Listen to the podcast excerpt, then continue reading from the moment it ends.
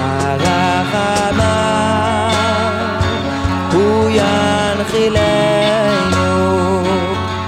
אוי אוי אוי יום שכולו טוב. שלום שלום, ברוכים הבאים להמשך העיון בנושא של עירוב תבשילין במסגרת עשר דקות של עיון. עסקנו בפרקים הקודמים ביסוד ההלכתי של דין עירוב תבשילין, דרכו עמדנו גם על כמה הלכות ופרטים שונים שנוגעים לנושא. בפרק הזה נעיין בעזרת השם בדרשה של חז"ל בנוגע למקור התקנה של עירובי תבשילין. הגמרא במסכת ביצה בדף ט"ז עמוד ב' מביאה ברייתא, שהמקור שלה הוא במחילתא דרשב"י לפרשת בשלח, והיא מסמיכה את תקנת עירוב תבשילין על הפסוקים בפרשיית המן שבפרשת בשלח, שם בפרק ט"ז בספר שמות נאמר ויהי ביום השישי לקטו לחם ממשנה שני העומר לאחד ויבואו כל נשיאי העדה ויגידו למשה ויאמר עליהם הוא אשר דיבר אדוני שבתון שבת קודש לאדוני מחר את אשר תופו אפו ואת אשר תבשלו בשלו ואת כל העודף הניחו לכם למשמרת עד הבוקר. חכמים כך נראה באופן פשוט מהדרשה שמובאת לפנינו במחילתא בגמרא, דרשו את הכפילות, את אשר תופו, אפו, את אשר תבשלו, בשלו. מכאן אמר רבי אלעזר, אין אופין אלא על האפוי ואין מבשלין אלא על המבושל. מכאן סמכו חכמים לעירובי תבשילין מן התורה. מותר לאפות לפי דרשת חכמים ביום טוב שחל בערב שבת, על סמך מה שכבר אפוי מערב יום טוב, וכך גם לבשל. וכמובן, אין כוונת הגמרא שדין עירוב תבשילין הוא מן התורה, אלא שחכמים הסמיכו את התקנה על הדרשה הזו. באמת הדרשה הזו נראית על פניו רחוקה מאוד מפשט הפסוקים, קשה להבין מה בכלל הוביל את חכמים להסמיך את התקנה הזאת דווקא על הפסוקים הללו. באופן פשוט אין בהם שום רמז אפילו לעניין של ערב יום טוב שחל בשבת, והכפילות של אפו, אפו, בשלו, בשללו, זה באופן פשוט אפשר לפרש כציווי לאפות כבר עכשיו את מה שהם רוצים לאכול אפוי בשבת. הדרשה הזו, הריחוק שלה, הריחוק הקיצוני שלה מפשט הפסוקים, זה מעלה דיון רחב וכללי יותר, איך להתייחס לדרשות מהסוג הזה שדרשו חכמים, דרשות שמוגדרות בש"ס כאסמכתא. האם יש טעם לנסות לעמוד על קו המחשבה שהוביל את חז"ל לדרוש את הדרשה, לנסות למצוא איזשהו קשר עמוק יותר בין תוכן הדרשה לבין הפסוקים שעליהם מסמיכים את ההלכה. השאלה הזו נחלקו בה הראשונים. הראה רבי אהרון הלוי בחידושים שלו על הסוגיה הזו בביצה, כותב ש... קרא לאו להכי עתה, דקרא לאו דווקא הוא, דאסמכתא בעלמא הוא ולאו להכי עתה כלל. הרעה לא מתאמץ למצוא איזשהו קשר בין תוכן הדרשה לפשט הפסוק, ומהדברים שלו, מסגנון הדברים נראה, שזה לא רק אמירה נקודתית רק ביחס לדרשה הזו, אלא יש כאן דבר שבאופן פשוט מלמד על גישה כללית יותר לאסמכתא אצל חז"ל. דברים מפורשים יותר, ידועים יותר, כותב הרמב"ם, שוב, באופן כללי, בלי להתייחס אל הדרשה שלנו בדווקא, בהקדמה שלו לפירוש המשנה. הרמב"ם כותב שחכמים הסמיכו הלכות שונות לפסוקים כעין סימן, כדי שישמרום ויזכרום. וכותב הרמב"ם, ואין זה מעניין הפסוק, וזהו עניין אומרם קרא אסמכתא בעלמא בכל מקום שנזכר.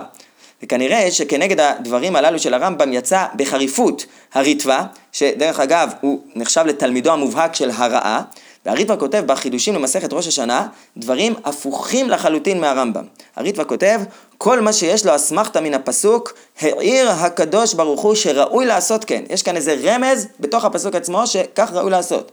אלא שלא קבעו חובה, ומסרו לחכמים. וזה דבר ברור ואמת. כנראה הוא גם רומז לחוכמת האמת, לחוכמת הקבלה.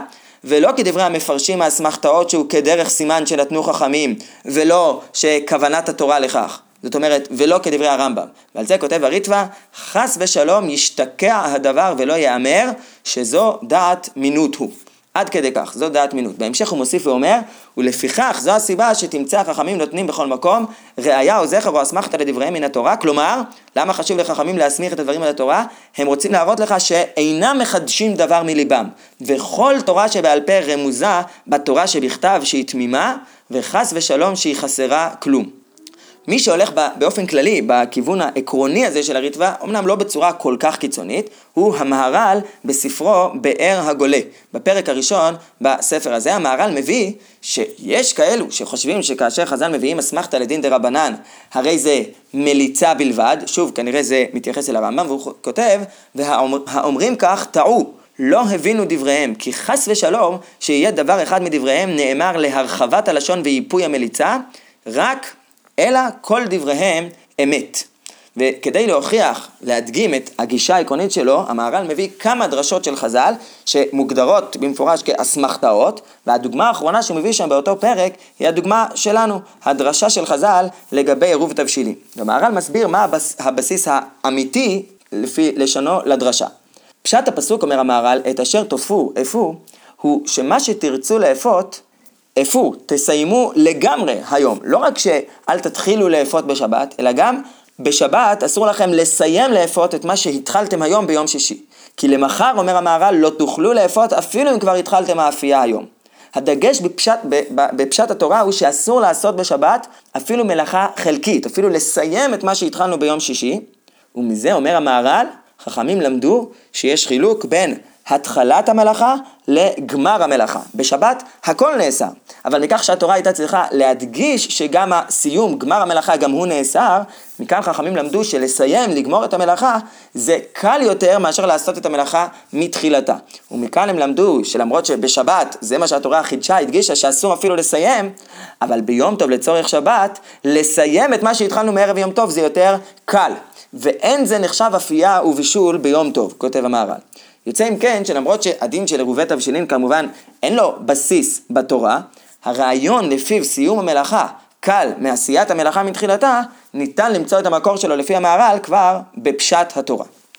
כיוון אחר, בהבנה של הדרשה של עירוב תבשילין, מעלה רבנו תם בספרו ספר הישר בחלק החידושים, סימן שפ"ג. רבנו תם עמד על דבר ייחודי שיש בפסוקים שלנו. לפני הציווי, את אשר תופו אפו, יש תיאור של הזמן שעומד להגיע. שבתון, שבת קודש לאדוני מחר. הצירוף הזה, שבתון, שבת קודש, הוא צירוף ייחודי. שבת קודש זה תיאור שמיוחד בתורה לשבת, שבת בראשית. שבתון לעומת זאת, פירושו בתורה, יום טוב. ורק כשכתוב שבת שבתון, הכוונה לשבת. אבל שבתון לבד הוא תמיד יום טוב, בכל התורה. אז מה אם כן משמעות הצירוף שבתון שבת קודש שבפסוקים שלנו? רבנו תם אומר, זה הבסיס לדרשה של חז"ל, שמזהים בפסוק שלנו את המקרה שעליו חכמים תיקנו את תקנת עירוב תבשילין. מה זה שבתון שבת קודש? הפירוש אומר רבנו תם, יום טוב ששבתון היום, ושבת קודש להשם מחר. ועל זה אומר להם משה, מה שתרצו לאפות מחר, ביום טוב, בשבתון, התחילו כבר לאפות היום, וכך יהיה מותר לכם מחר ביום השבתון, יום טוב, לבשל ולאפות עבור שבת קודש הבא אחרי יום טוב. לפי הפירוש הזה, אפשר להסביר באופן פשוט חלק נוסף בפש... בפסוק שהתקשו בו הפרשנים. מה, מה פירוש שלאחר הציווי את אשר תפו יפו ואת אשר תבשלו בשלו, כתוב ואת כל העודף הניחו לכם למשמרת עד הבוקר. מה פירוש כל העודף? על איזה, על איזה עודף מדובר? יש בעניין הזה מחלוקת בין רש"י לבין האבן עזרא, הרמב"ן מביא אותה. לפי רש"י הכוונה היא, תבשלו הכל היום, תאכלו, ואת כל העודף משובעכם היום, מה שלא תאכלו, הניחו לכם למשמרת עד הבוקר.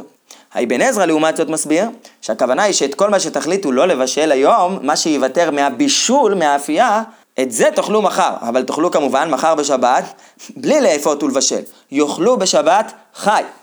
אבל, לפי הפשט של רבנו תם, אפשר לפרש את הפסוק בדרך שלישית. התחילו לאפות היום בערב יום טוב. ואת כל העודף, מה שלא תבשלו היום בערב יום טוב, תניחו למשמרת עד הבוקר, ומה יקרה בבוקר, מה יקרה מחר? תוכלו לאפות אותו מחר ביום טוב לצורך השבת. כמובן שגם אחרי ההסבר המקורי הזה שעולה מתוך דברי רבנו תם, זה לא נכון לומר שדרשת חז"ל על עירוב תבשילין היא פשט הכתוב. אבל הפירוש שלו, הגישה שלו מלמדת על דרך נוספת, אפשרות נוספת, איך ללמוד ולדון ביחס שבין דרשות חז"ל לבין פשט הכתובים. אם בקצה האחד נמצא, נמצא הרמב"ם, שלא מחפש שום דרך לקשר בין הדברים, ובצד השני נמצא הריטווה, שאולי נראה מדבריו שהוא ייתן פרשנויות, אולי גם על דרך הסוד לפסוקים, שממילא יותאמו לדרשות של חז"ל. גם הדברים של המהר"ל וגם הדברים של רבנו תם יוצרים איזושהי פרשנות שביסוד שלה היא קשורה למשהו שטמון בפסוקים עצמם.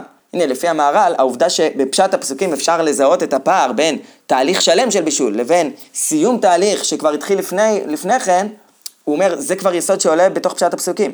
לפי רבנו תם, הדרשה בנויה על איזושהי חריגה או תמיהה שקיימת בפשט הפסוקים עצמם, שקוראת לחז"ל להשלים וליישב אותה, את החריגה הזו, עם דרשה הלכתית, גם אם מדובר בתקנת חכמים.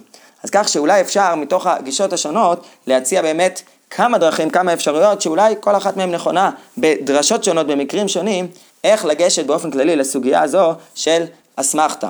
ולא ברור שיש שיטה אחת שהיא הנכונה, אלא צריך בכל אה, מקום ומקום לבדוק בצורה עניינית מה אפשר להבין, מה אפשר לבאר ולמצוא, אם אפשר, בצורה רצינית והגיונית, את הקשר בין הדרשה לבין פשט הפסוקים.